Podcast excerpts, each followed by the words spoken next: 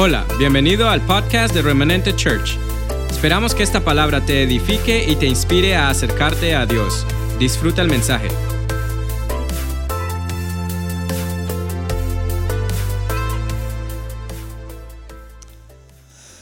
Amén. Qué bueno estar aquí. Hacía días no me paraba en este púlpito. Pero es bueno estar aquí predicando la palabra haciendo una de las cosas que más me gusta, predicarles la palabra y liberar aquello que Dios dice acerca de nosotros. Amén. Padre, gracias Dios por esta mañana. Abrimos nuestro corazón, nuestra mente, todo nuestro ser espiritual, mi cuerpo, para que tu palabra fluya, para que tu palabra se implante se injerte en nuestro corazón, en nuestra mente y sobre todo se libera el cumplimiento, Dios, en el nombre de Jesucristo. Amén.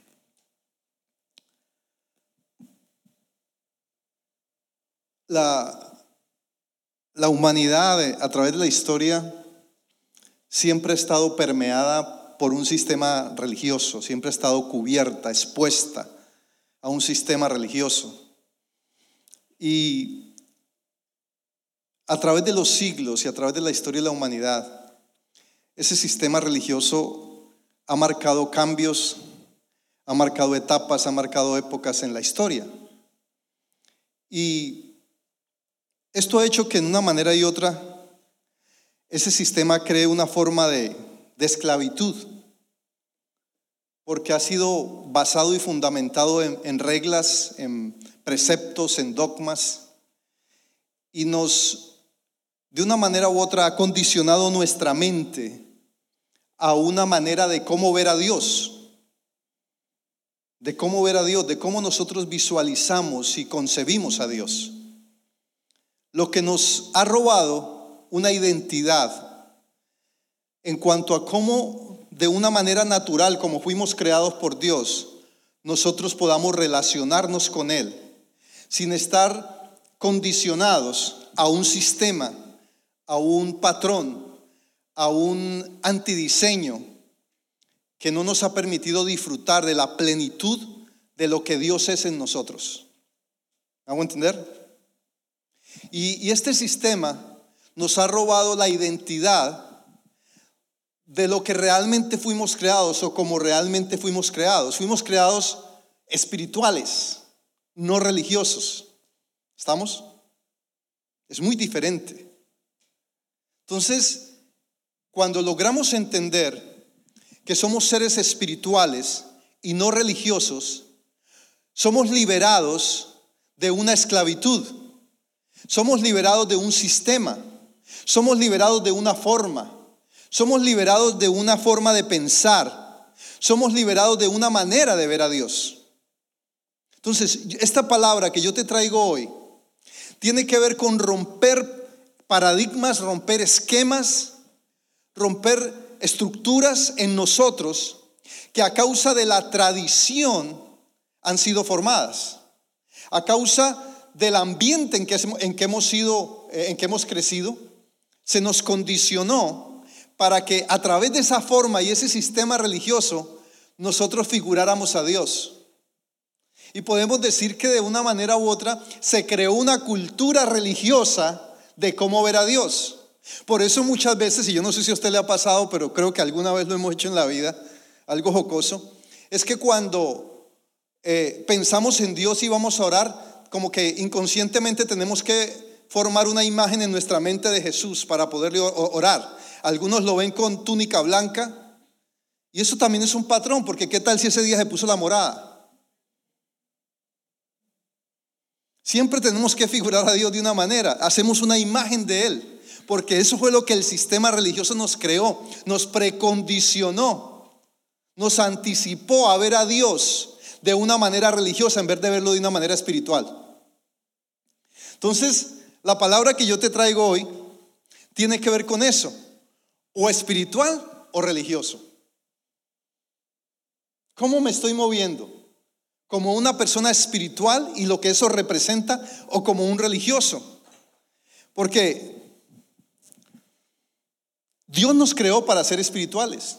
Vamos un momentico a Gálatas capítulo 6, versículo 1. Yo voy a empezar a través de la palabra a, darte estructura a, a este mensaje para que tú te metas en él, pero sobre todo que la palabra se meta en ti, se implante. Para que cuando tú salgas de aquí, tú salgas convencido de que tú no eres un religioso, tú eres un ser espiritual. Amén. ¿Y cómo me voy a conducir si soy un ser espiritual?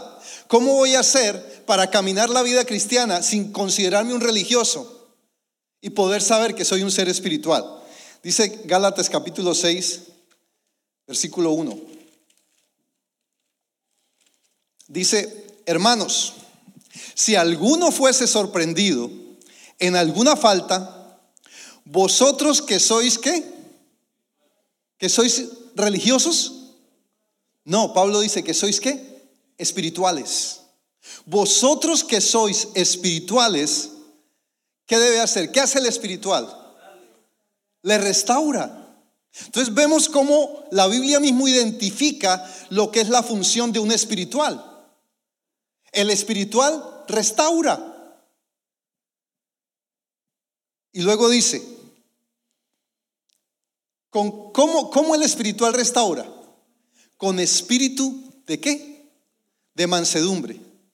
Entonces, vosotros que sois espirituales, no religiosos, espirituales, diga al que está a su lado, religioso o espiritual. ¿Qué más dice? ¿Qué hace el espiritual? Se considera a sí mismo, no sea que también que sea tentado. Pero, ¿qué sucede? Y aquí esto nos da para cortar tela. ¿Qué hace el religioso? El religioso considera al otro. El espiritual se considera a sí mismo. ¿Qué significa? Que el religioso ve la falta en el otro, pero el espiritual comienza mirando qué falta puede haber en él antes de juzgar a alguien. Entonces esto nos empieza a ver, a mostrar con claridad cómo opera la religión y cómo opera el ser espiritual, cómo opera el religioso y cómo opera el espiritual. Porque el propósito mío y desde una plataforma, voy a decirlo de esta manera, voy a apostólica, yo quiero liberar sobre tu vida la estructura, el esquema religioso que te fue plantado. Y soy atrevido, la tienes. Todos nosotros hemos sido influenciados por un sistema religioso, desde casa. ¿Por qué? Porque dígame aquí, ¿quién en su casa no vivió tradición? Todos fuimos expuestos a la tradición. Y las tradiciones dentro de una cultura contienen una conducta tanto en la manera de cómo comemos, en la manera de cómo se conduce una familia, en la manera de, cómo se habla en una familia, pero también en la manera de cómo se cree en Dios en una familia. Y a través de una tradición condicionaron nuestra fe para que por temor, corrijo, por miedo, pudiéramos ver a Dios.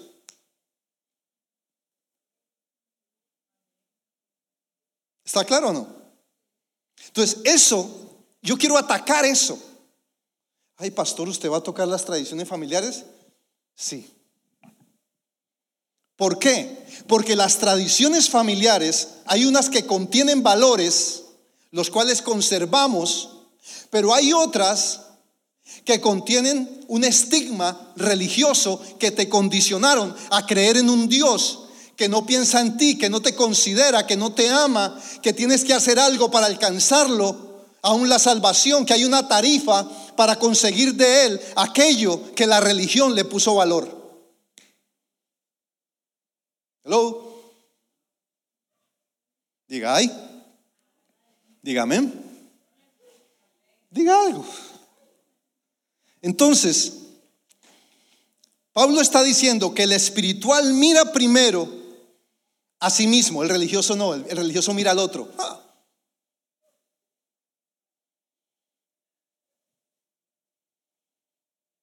Y créame, yo he vivido este evangelio por años. Yo sé de lo que le estoy hablando. Y he tenido que ver cómo muchos han sido, muchos han sido sacrificados por este sistema religioso, donde lo espiritual, como son la revelación, los dones, los milagros, fueron absorbidos por, por la religión y por los dogmas, porque se le puso un reglamento y porque se han usado los dones, la revelación, para ponerle un título al espiritual. Y eso se llama religión. Hello. Entonces ya sabe de lo que le voy a hablar. Ahora usted me dirá, pero ¿por qué usted está hablando de eso? Porque mirando la palabra, en días pasados, varias personas, y eh, dos o tres por no caer en el espíritu del crowd, varias personas me han preguntado, así como desde diciembre para acá, ¿por qué yo hablo tanto, hago tanta diferencia entre la religión y, y lo espiritual? Yo le voy a decir por qué. Porque es totalmente bíblico y Jesús lo hizo. Váyase a Mateo capítulo 15 y yo le voy a explicar algo. Que usted va a entender mucho mejor el porqué de esta palabra y por qué la necesidad de que usted empiece a visualizarse como un espiritual y empiece a deshacerse de lo religioso. Mateo capítulo 15.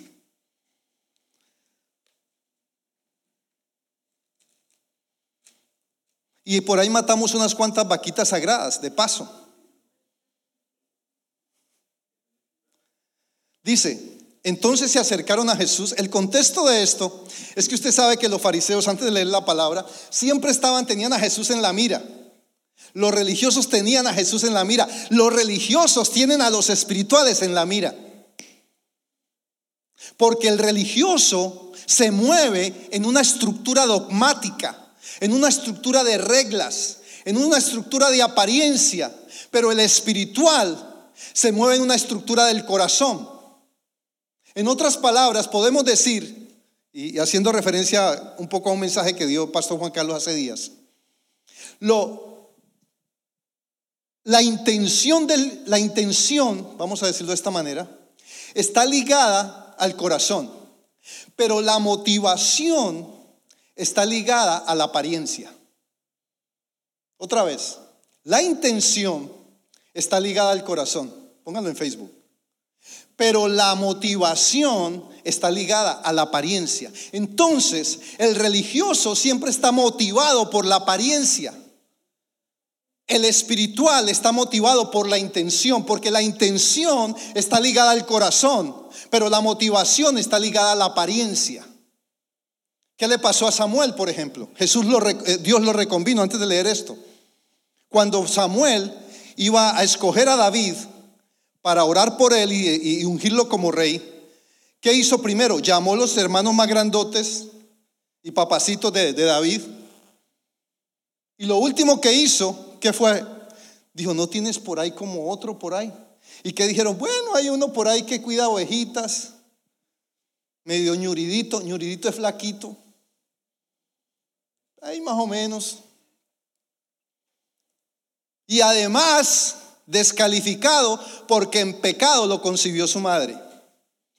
O sea, descalificado. ¿Usted qué dijo? Entonces, ¿qué le dijo Dios? Porque ustedes, primera de Samuel, capítulo 16, versículo 7, ustedes miran la apariencia, pero yo miro el corazón. O sea, la religión, escúcheme, se mueve por motivación. Lo espiritual se mueve por intención. Lo espiritual mira el corazón. Lo religioso mira la apariencia. Entonces ahí vemos la primera muestra de religiosidad en un profeta como Samuel. Ustedes saben quién era Samuel. Pero lo que Jesús, lo que Dios le estaba diciendo ahí, le estaba confrontando, era su pensamiento religioso. ¿Por qué? Porque estaba confrontando la condición que él estaba colocando para aprobar al que iba a ser el ungido por Dios. Lo cual era una apariencia. Ahora vamos a ver qué hizo Jesús. Porque la, intención de esta palabra esta mañana es que seamos libres para que empecemos a caminar en una dimensión del cristianismo sin tanta arandela, sin tanto peso, sin tanta carga, que ya es suficiente y que los líderes religiosos, sean pastores o aquellos que predicamos el Evangelio, hemos traído sobre el pueblo, sometiéndolos a un régimen, a un sistema de manipulación, de control.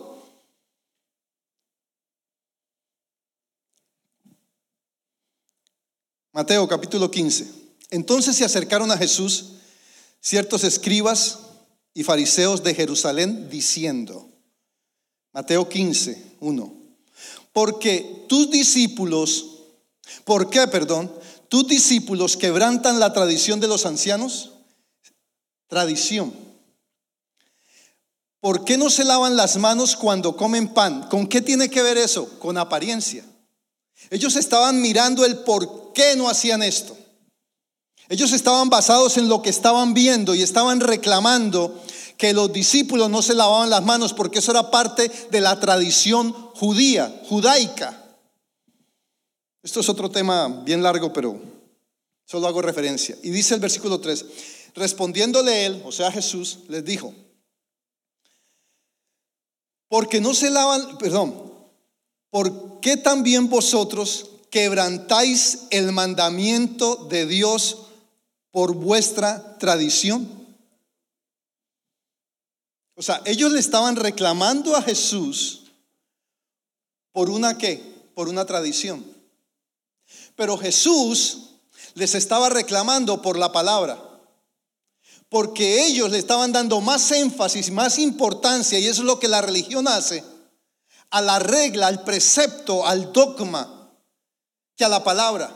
Entonces Jesús le estaba diciendo, ustedes invalidan la palabra. Ustedes religiosos invalidan la palabra por defender una tradición que de nada sirve y de nada vale y no transforma a nadie.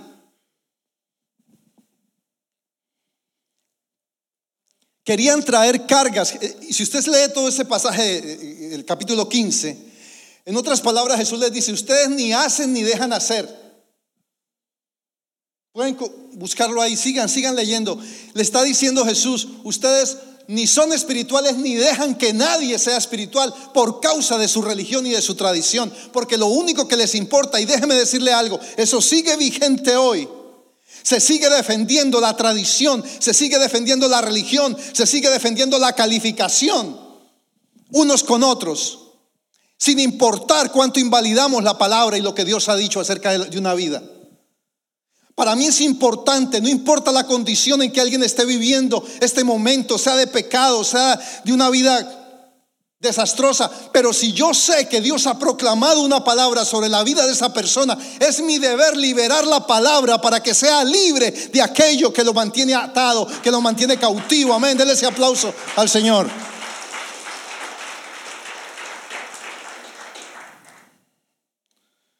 Y la, Biblia es clara y contundente con lo religioso. Usted dirá, no, pues es que el pastor se inventó eso porque le, le cae mal lo religioso. No, es que Jesús, si usted mira a través de los evangelios, se confrontó con ellos todo el tiempo. De hecho, ¿quién crucificó a Jesús? La religión. La religión lo que lo crucificó. Y estamos en tiempo donde necesitamos identificar si estoy caminando mi vida cristiana como un espiritual o como un religioso. El ser, el ser religioso representa ser preso o cautivo de un sistema de apariencia, de aprobación, donde su principal bandera es mantener una apariencia que busca guardar la imagen. Mientras que lo espiritual lo que busca es guardar el testimonio. Pero lo religioso busca guardar la imagen. Y eso es lo que los fariseos perseguían a Jesús. Jesús le destruyeron su imagen muchas veces, pero hay algo que no pudieron tocar y fue su testimonio. Porque lo espiritual, el ser espiritual, encaminar en esa dimensión de lo espiritual, me permite guardar mi testimonio. Más allá de la condición en que yo esté. ¿Por qué? Porque para efecto de la palabra, ni tú ni yo tenemos derecho a juzgar, ni a condenar, ni a descalificar.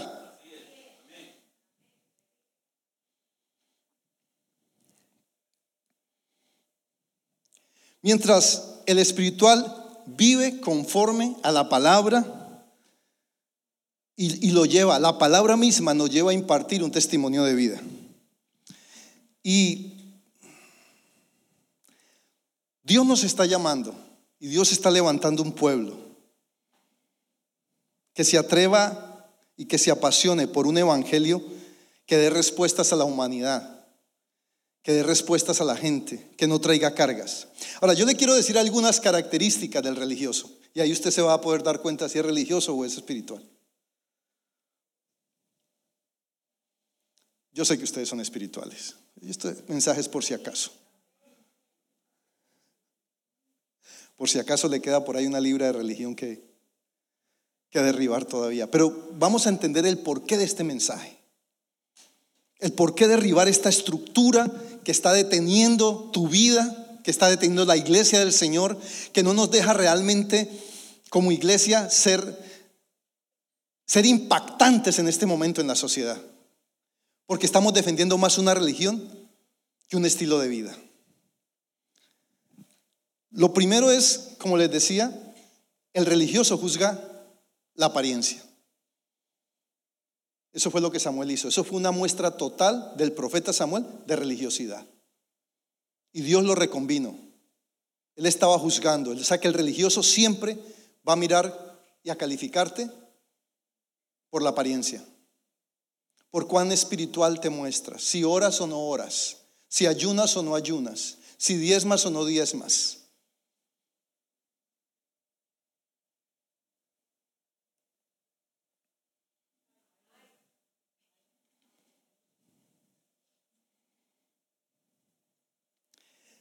El religioso le pone tarifa a la salvación y al amor de Dios. Diosidad del fariseísmo le ponían tarifa, le ponen tarifa a la salvación. Pero ¿qué dice Efesios capítulo 2, versículo 8 y 9? Que por gracia somos salvos. ¿Por medio de qué? ¿Y esto no es qué? Donde vosotros, es que donde Dios. Entonces aquí nosotros no, no, aportamos es nada, naitica. Esto es por gracia. Esto es por gracia. La religión lo ha hecho por desgracia, pero lo espiritual lo hace por gracia. Lo que tú tienes es por gracia, lo que tú mereces es por gracia. La gracia es un derecho legal de los hijos. Los religiosos le han puesto tarifa y han querido hacer saber que la gracia tiene un contexto o un costo.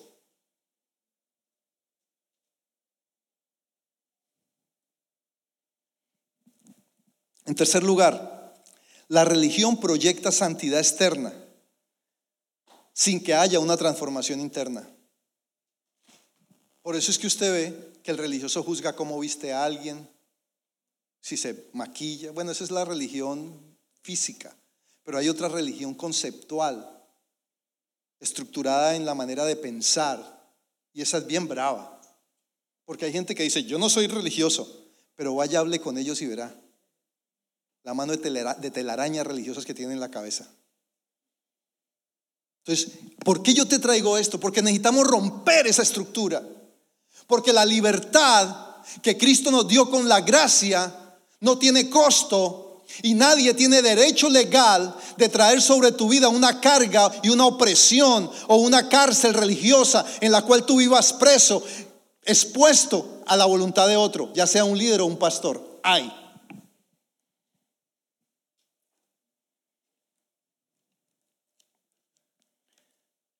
Isaías 35:8 es un versículo que yo amo. Dice, y habrá allí calzada, y se llamará camino de santidad. No pasará inmundo por él. Y, esa palabra inmundo es relativa. El religioso cree que inmundo, esto, yo le voy a romper una vaca a usted en esta mañana. Se la voy a degollar. Y si quiere, llévesela para la casa y la asa. Pero ahí el inmundo no tiene que ver con el que peca.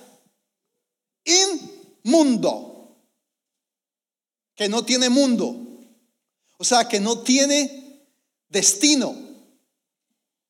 Usted y yo en Cristo, aunque pequemos, no somos inmundos. Porque, escúcheme, aunque usted y yo pequemos, no somos pecadores.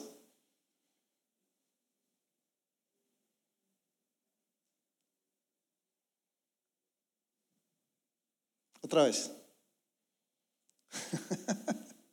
Yo sé que esto le rompe la cabeza a la gente. Y allá deben estar al otro lado. Aunque usted peque, usted no es pecador. Porque usted fue redimido con la sangre. Porque si yo, cada que peco como redimido, me convirtiera en inmundo, la sangre de Cristo no tenía valor ni poder.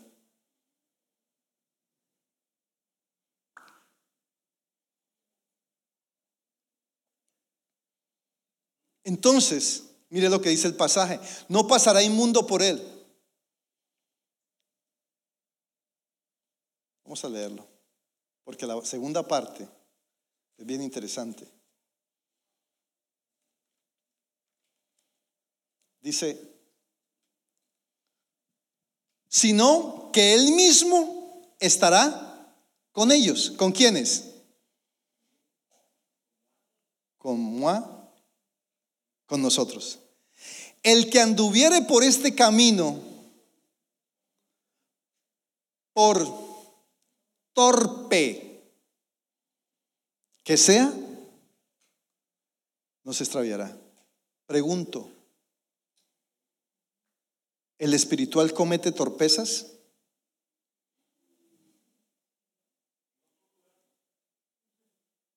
Y es aceptado y no es considerado inmundo.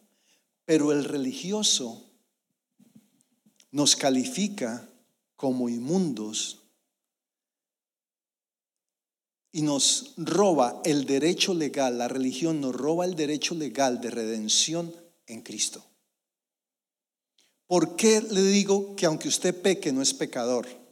Porque si como usted como hijo de Dios y redimido por la sangre de Jesucristo pecara y se convirtiera en inmundo, la sangre de Cristo no tendría valor. Y la sangre de Cristo no es algo que me lo quito, que me lo pongo, que me lo quito, me lo pongo yo. No. La sangre de Cristo es un sello de redención en tu vida. Hello.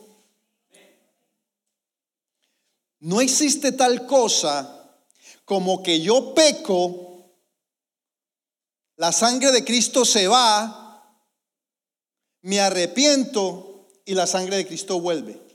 No existe eso. Dice que nosotros hemos sido redimidos, sellados.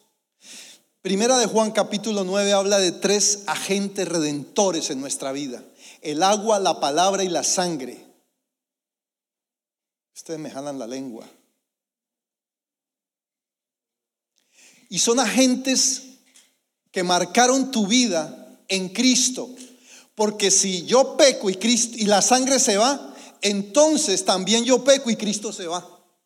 Porque el que contiene la sangre, escúcheme, es Cristo en mí. La sangre no es impersonal. No está Cristo aquí y su sangre acá. No, dentro de Cristo en mí está su sangre.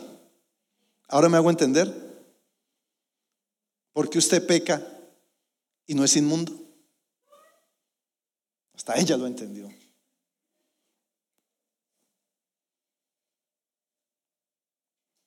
Y esto se lo digo para qué? Para que usted sea libre de la estructura religiosa, de la condenación y de la culpa. Porque es la mayor carga que la religión ha traído a nuestras vidas. Muchas veces actuamos como religiosos pensando que lo estamos haciendo como espirituales. Y avanzo. Otra característica de la religión o del religioso es la crítica. Porque el religioso descalifica. ¿Usted sabe cuánta gente yo he visto ser avergonzada en los púlpitos a través de los años? Con la banderita de que es que todo lo oculto saldrá a la luz. Chismosos. Eso es una mentira religiosa. Es que todo lo oculto saldrá a la luz. Está hablando de los misterios de Cristo. No está hablando de los chismes religiosos. Entonces, amparados en eso, hemos avergonzado gente. Amparados en eso, hemos revelado situaciones que personas nos han venido a contar en dolor, en tristeza, en debilidad. Y los hemos sometido a esclavitud religiosa.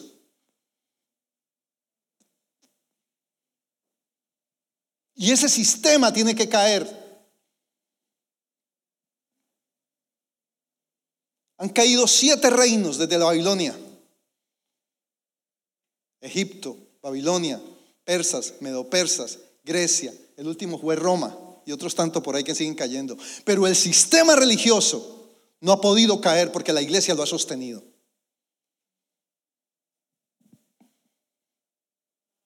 Están muy serios, están muy religiosos.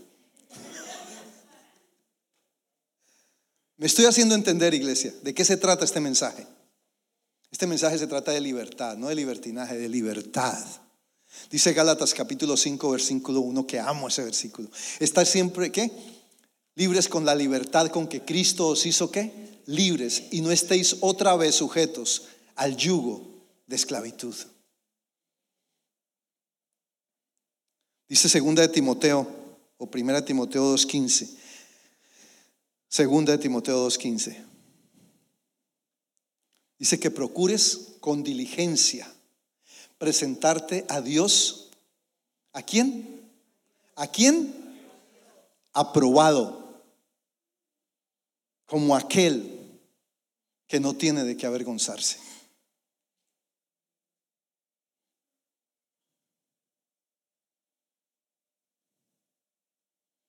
Dice primera de sea Dios santificado en nuestro corazón y estar siempre preparados para presentar defensa con mansedumbre y reverencia ante todo aquel que os demande razón de la esperanza que hay en vosotros.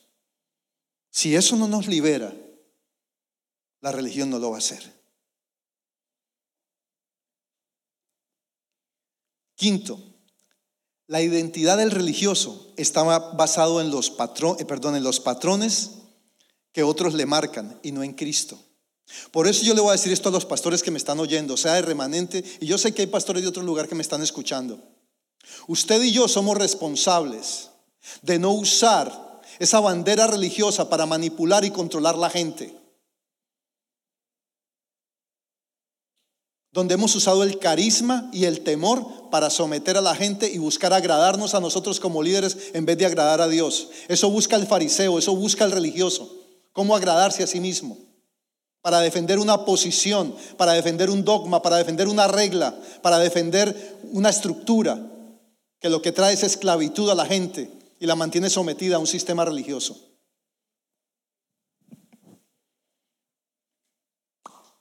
Y llegó la hora de hablar de esto, porque la época del oscurantismo ya pasó.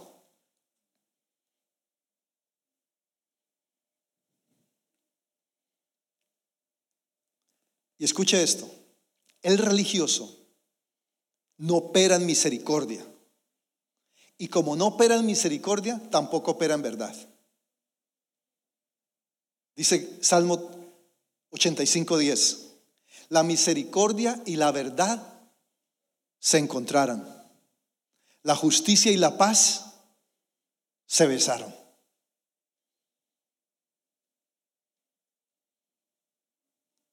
Salmo 85, 10. Y leas el 11, y leas el 12, y leas el 13. Donde no hay misericordia, no hay verdad, la verdad no aparece. No es que la misericordia produzca verdad, no. Es que la misericordia hace que la verdad aparezca. Porque la misericordia hacia otros del ser espiritual se basa en verdad. La misericordia del religioso se basa en juicio. El misericordia, eh, escúcheme esto, esto es clave. La religión o el religioso, para poder tener misericordia, primero hace un juicio. ¿Para qué? Te condena primero para después decir, pero ahora tienes que hacer esto y esto y pagar esto. Y ahí sí. Pero el espiritual, cuando opera en misericordia, libera la verdad. Me estoy haciendo entender, iglesia. Diga conmigo, yo soy espiritual. Nora, ¿espiritual o religiosa? Eso, esa es mi muchacha.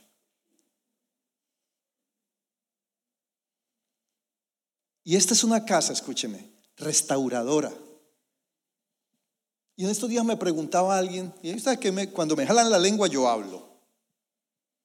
Hay veces soy callado y me aguanto, pero cuando me jalan la lengua yo hablo. Y alguien me decía, ¿por qué hay gente que viene aquí y Dios la restaura, la bendice y se van? Simple, porque son restaurados, pero no salen del sistema religioso. Tienen que volver a un sistema donde haya religión para mantenerse vigentes, para sentir, porque, a veces lo pongo de esta manera, hace unos años Ah, mi esposa y yo le compartimos a un musulmán y se convirtió y ese hombre se metió con Dios de una manera tremenda. Pero volvió al Islam. ¿Por qué? Porque él decía y vivió experiencias con Jesús tremendas. Pero él dice, no puedo aceptar que ustedes pecan, vienen a Cristo, los perdona y ya. Eso no lo puedo, que la sangre de Cristo los limpia y ya. No, hay que pagar por eso. No pudo con eso. No pudo con la gracia. Y volvió al Islam. Y era joven, era un joven. Criado aquí en Estados Unidos. Pero no pudo con eso.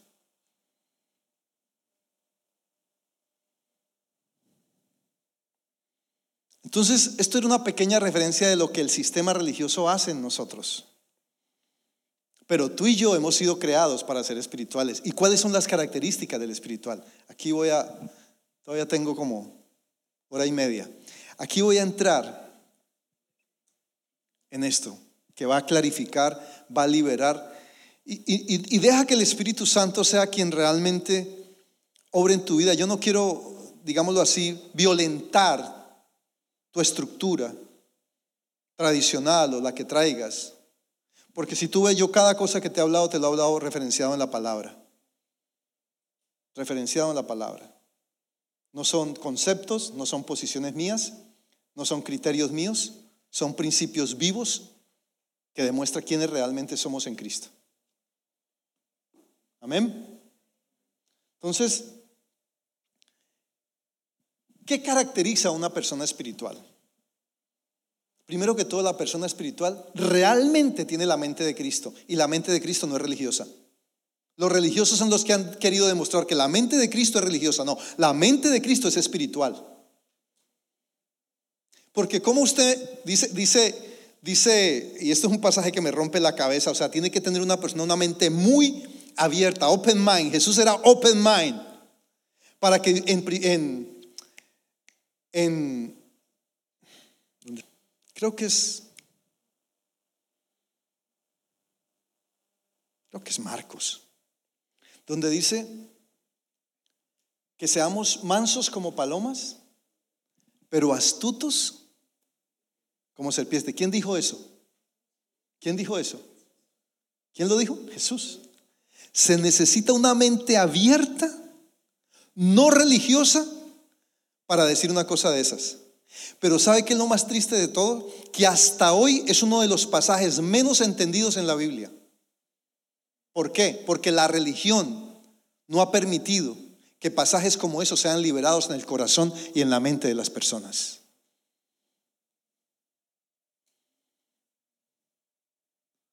Yo se lo puedo decir al día de hoy. Jesús estaba diciendo, sea manso, tranquilo, no se deje mover el piso. O no sea tonto.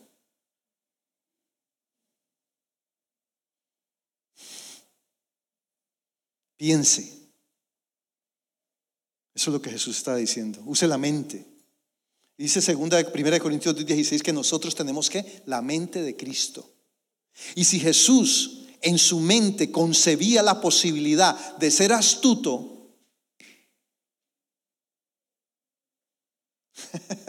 ¿ahora la entiende?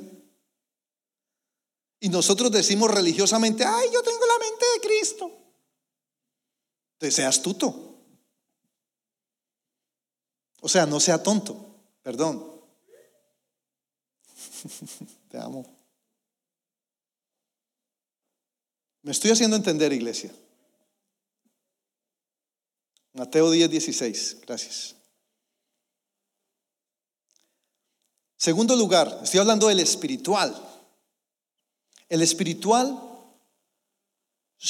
marca su vida por la palabra y no por las tradiciones. Es lo que Jesús le dijo a los fariseos. Ustedes invalidan la palabra por causa de qué? De sus tradiciones. Voy a ir rápido, que ya. Escuche esto. El espiritual depende de la palabra, no de las señales. Hello. La religión depende de las señales. Las señales están diseñadas para seguir al espiritual pero el religioso la sigue a ellas. Señor, dame una señal. Yo sé que usted nunca ha orado así. Yo sé que usted, eso es por allá en Cali, que hacen eso, la iglesia remanente Cali o Santa Rosa, por allá. Pues yo sé que usted nunca le ha dicho, Señor, dame una señal. Usted es incapaz. Cada que usted pinta, por eso es, a veces creemos que estamos operando como espirituales, pero operamos como religiosos. Cuando le pedimos señales a Dios, estamos operando como religiosos. ¿Por qué? Estas señales seguirán. ¿A quiénes? ¿A quiénes? A los que creen. En ninguna parte. El único que le pidió señal al Señor fue Gedeón y quedó señalado. La única vez que usted encuentra que alguien le pidió señal al Señor fue Gedeón. Pero usted no encuentra. Yo no sé de dónde salió, nomás parta de ahí. ¿De dónde salimos con el cuento de pedir señales? De Señor, dame una señal. ¿De dónde cree? Eso es un dogma.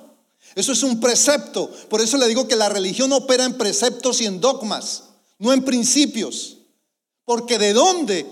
Y eso está institucionalizado en la iglesia. Pídale una señal al Señor.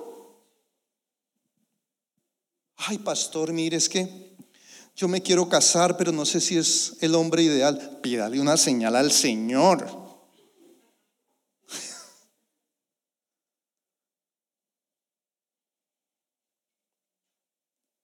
Y la señal aparece.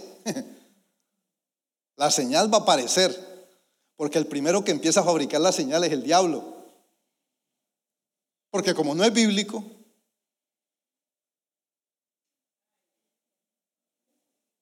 están muy calladitos, muy calladitos. Una de dos, o estoy diciendo mucha herejía o están impresionados.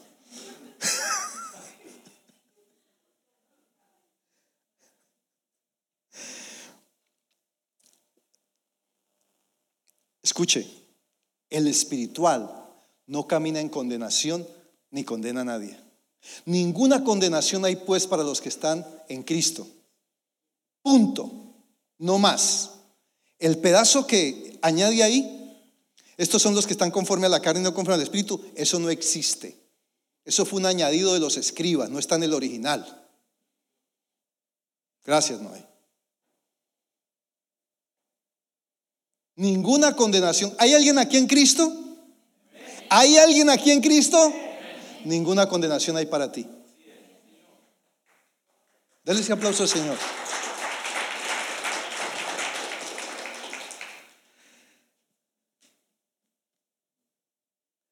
Y por última característica, hay muchas más, pero el, el espiritual busca el carácter, no, no anda detrás del poder. O sea, busca la naturaleza de Cristo. Segunda de Corintios, segunda de Pedro 1:4 dice que hemos sido partícipes de la naturaleza divina de Dios. Ya, voy a terminar. La invitación es que hoy nos miremos en el espejo de Dios y diga, ¿soy religioso o soy espiritual? Creo que te he dado claramente la diferencia entre una y otra.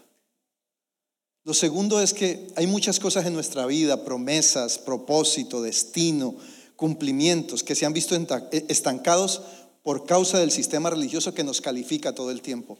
Este sirve, este no sirve, este es espiritual, este es carnal, este es religioso. Siete. Escúcheme esto, para que usted entienda mejor lo que le trato de decir, de que nos han mostrado una caricatura del Evangelio.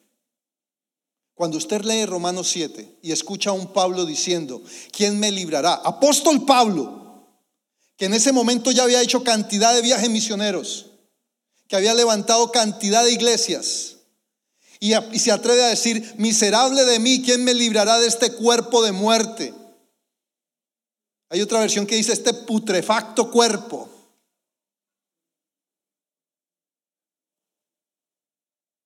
Gracias doy a quien a Dios, dice, y a Jesucristo. Léase Romanos 7 para que usted vea lo carnalito que estaba Pablo ahí. Pero era un hombre de Dios, y era un hombre redimido, y era un hombre transformado, y era un hombre que la batallaba y la luchaba, buscando que en Cristo ser espiritual, rompiendo y alejándose y liberándose del sistema religioso. Cuando él entendió eso, entonces vino Romanos 8 ahí maduró espiritualmente. Y ahí es cuando dice, ninguna condenación hay pues para los que están en Cristo. Eso es ser espiritual.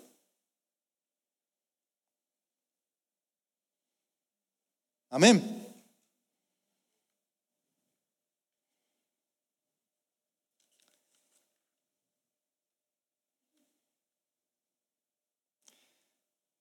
Lo último que voy a decirles, porque todavía me quedan como tres hojas, pero voy a cerrar con esto. Al principio les dije la importancia de lo que es la intención y lo que es la motivación.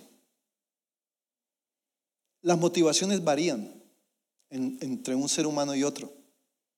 Hoy yo puedo estar motivado por algo mañana puedo estar desmotivado. Hoy alguien me dijo que iba a hacer esto, mañana puede que no se acuerde. Hoy alguien me prometió algo, puede que nunca lo cumpla. Si yo vivo por esa motivación, estaré esclavizado de la apariencia, de lo que necesito ver en otros para vivir. Pero si yo entiendo lo que es la intención, voy a aprender a ver el corazón de la gente. Y el corazón es quien realmente me muestra la intención. Dice que la palabra de Dios es quien discierne las intenciones del corazón. Si tú aprendes, si, si tú sales de ese sistema religioso, vas a salir de la esclavitud de la apariencia, de la esclavitud de la motivación, o sea, de la esclavitud de las emociones. Y vas a entrar en la dimensión de lo que es caminar como espiritual y no necesitas aplicar como quien aplica para un trabajo o para una beca, porque Cristo te hizo acepto en Él. Y eso te da carta blanca para ser espiritual. Ya que me califiquen capacitado o no para hacer esto o aquello, es otra cosa. Eso es otra cosa. Pero en Cristo, tú y yo, yo quiero decirte esta mañana, somos aptos para ser espirituales y caminar en la dimensión de lo que Cristo era en la tierra. Porque somos seres que estamos en proceso de perfección y de transformación en Cristo.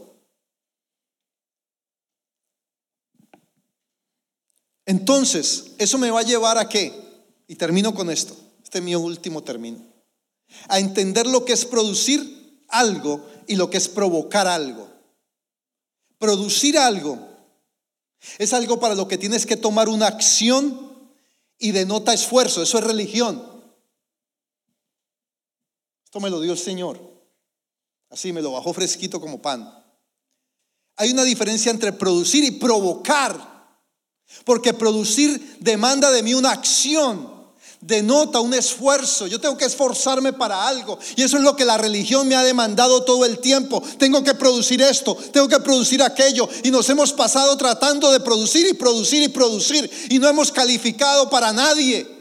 Entonces el rechazo religioso ha estado vigente en mi vida y me he descalificado viendo lo que es provocar Provocar es algo que fluye dentro de mí, que ya contengo, que, que, es parte de mi naturaleza, porque Cristo la implantó en mi vida. Amén. Entonces tú tienes la capacidad en Cristo de provocar. No te preocupes más por qué vas a producir. Provócate por liberar aquello en lo que eres en Cristo. Eres una nueva criatura. Las cosas viejas han pasado.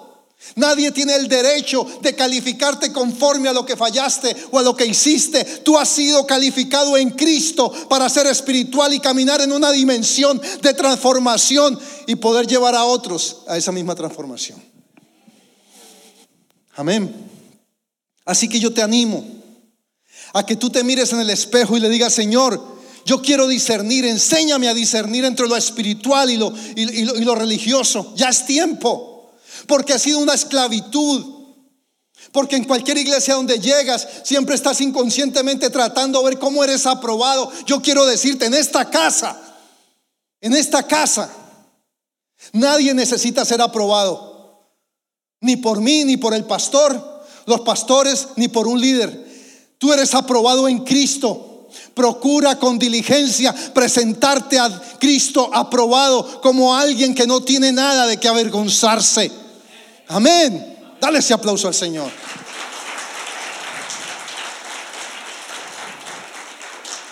Porque tú contienes los genes espirituales del cielo, por eso eres espiritual.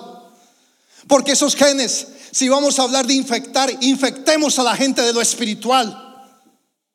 Renuncia al sistema religioso, no te dejes establecer posiciones. Mire, la gente manipula a través del chisme, de la crítica, de la murmuración. La gente manipula dañando la imagen de otros. Y eso es lo que la religión ha hecho. Por eso vivimos calificando cuál iglesia es mejor, cuál pastor es mejor. Basura religiosa.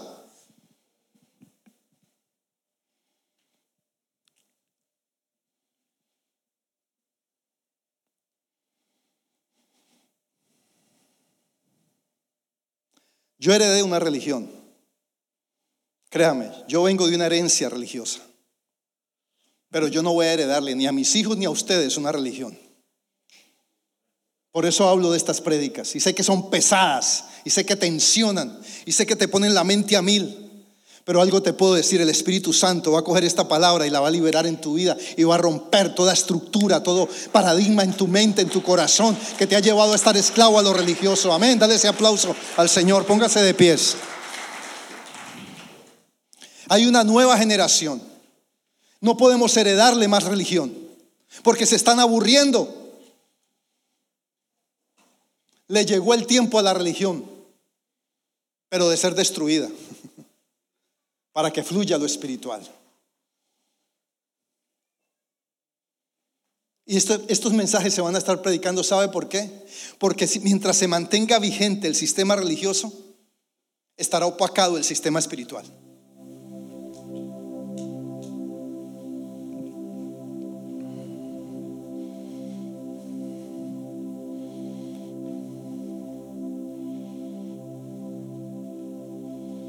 En un momento incline su rostro y dígale al Señor, Señor, libérame de lo religioso. Yo mismo trabajo todos los días en eso, créame. Y dile, Señor, haz que se manifieste lo espiritual en mí. Haz que Cristo sea real en mí.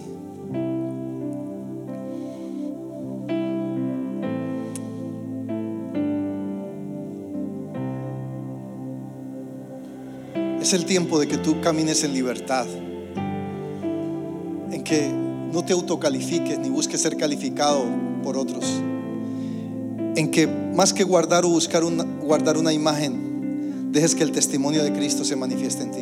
Vamos a fallar, escúcheme, vamos a fallar. Escúcheme, vamos a pecar. Pero Cristo sigue ahí. ¿Para qué? Para enseñarnos cada día a ser libres del pecado. No ocultemos más de Dios tratando de que otros nos aprueben. Ya, ya basta de eso. Ya, ya, ya hemos complacido demasiado a pastores, a líderes, a gente para que nos acepten. Cristo te acepta hoy. Cuando eso suceda, entonces vamos a poder vivir un cristianismo genuino, libre, con la libertad con que Cristo nos hizo libres.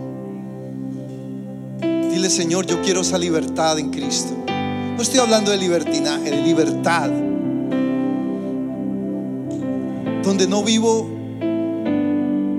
esclavo de si me aprueban o no me aprueban. Donde no vivo en esa paranoia de qué piensan de mí Voy a guardar un testimonio, claro que sí.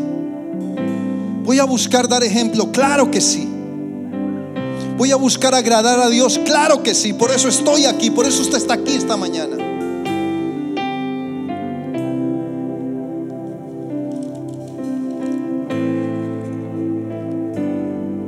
Pero en libertad.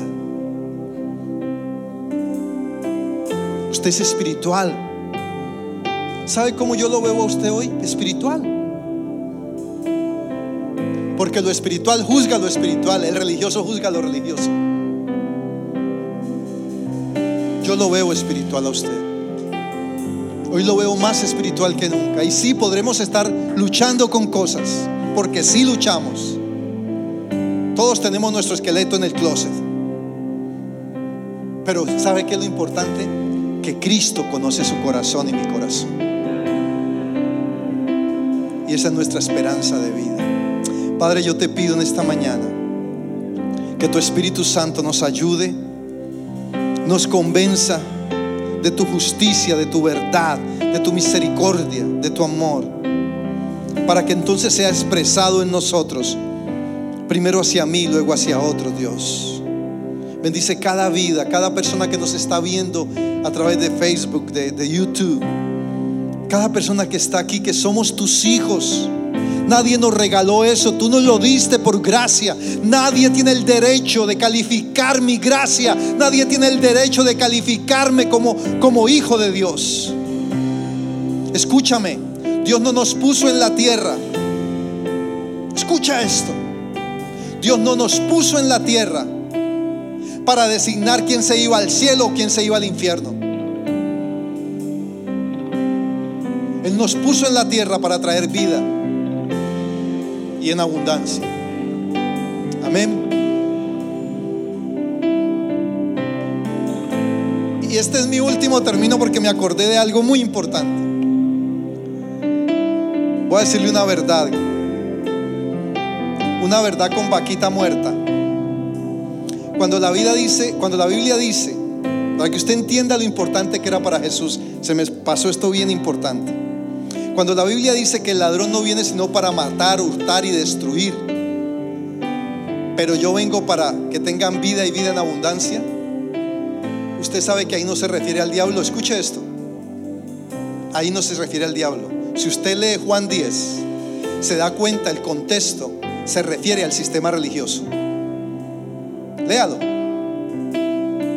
Todos hemos dicho toda la vida el mal ladrón, el diablo no viene sino para matar, hurtar y destruir. No no se refiere al diablo, se refiere a la religión. Léalo, yo lo desafío a que lea ese pasaje. Y usted ve que Jesús está enfrentado ahí con los religiosos. Está hablando de la religión. Es más, deme dos minutos más, porque usted necesita irse con esta verdad. Juan 10.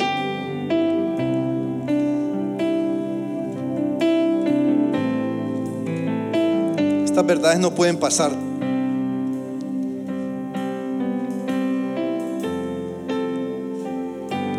Esto, volvió después Jesús a decirles, de cierto, de cierto digo, yo soy la puerta de las ovejas. Todos los que antes vinieron, ahí no está hablando del diablo, versículo 8, ladrones son y salteadores. ¿A quiénes se refieren? pero no los oyeron las ovejas. ¿De quién estaba hablando? De los fariseos, de los que habían venido antes a tratar de convencer a las ovejas. Y entonces dijo, yo soy la puerta, el que por mí entrare será salvo y entrará y saldrá y hallará. El ladrón, ¿quién es el ladrón? El, el del versículo 8. El religioso, la religión no viene sino para matar y destruir, pero yo he venido para que tengan vida y vida en abundancia. Amén. Los bendigo. Denle ese aplauso al Señor. Esperamos que este mensaje haya sido de bendición. No te olvides de suscribirte a nuestro podcast y seguirnos en Facebook e Instagram arroba remanente church.